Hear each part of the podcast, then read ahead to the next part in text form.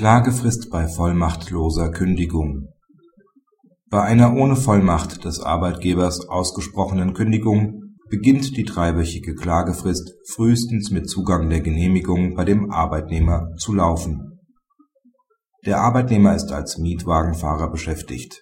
Über das Vermögen seines Arbeitgebers wird am 01.04.2004 das Insolvenzverfahren eröffnet und ein Insolvenzverwalter bestellt noch am gleichen Tag erhält der Arbeitnehmer eine auf Briefpapier des Arbeitgebers gefertigte und vom Geschäftsführer des Arbeitgebers unterschriebene fristlose Kündigung.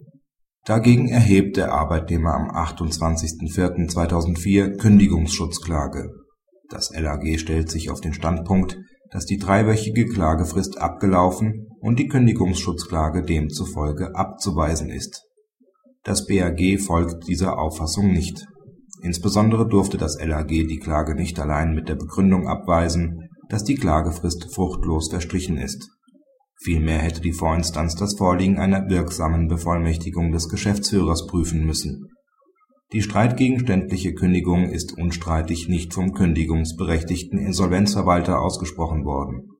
Kündigt eine andere Person, so beginnt die Klagefrist des § 4 Satz 1 Kündigungsschutzgesetz nur zu laufen, sofern eine wirksame Bevollmächtigung vorliegt. Nach dem Wortlaut der Vorschrift muss ein Arbeitnehmer die mangelnde soziale Rechtfertigung zwar auch dann innerhalb von drei Wochen gerichtlich geltend machen, wenn die Kündigung aus anderen Gründen rechtsunwirksam ist, das setzt allerdings voraus, dass der Arbeitgeber eine ihm zurechenbare Kündigung ausgesprochen hat diese Auslegung folgt aus dem Sinn und Zweck der Vorschrift, die insbesondere im Interesse des Arbeitgebers Rechtssicherheit herstellen will.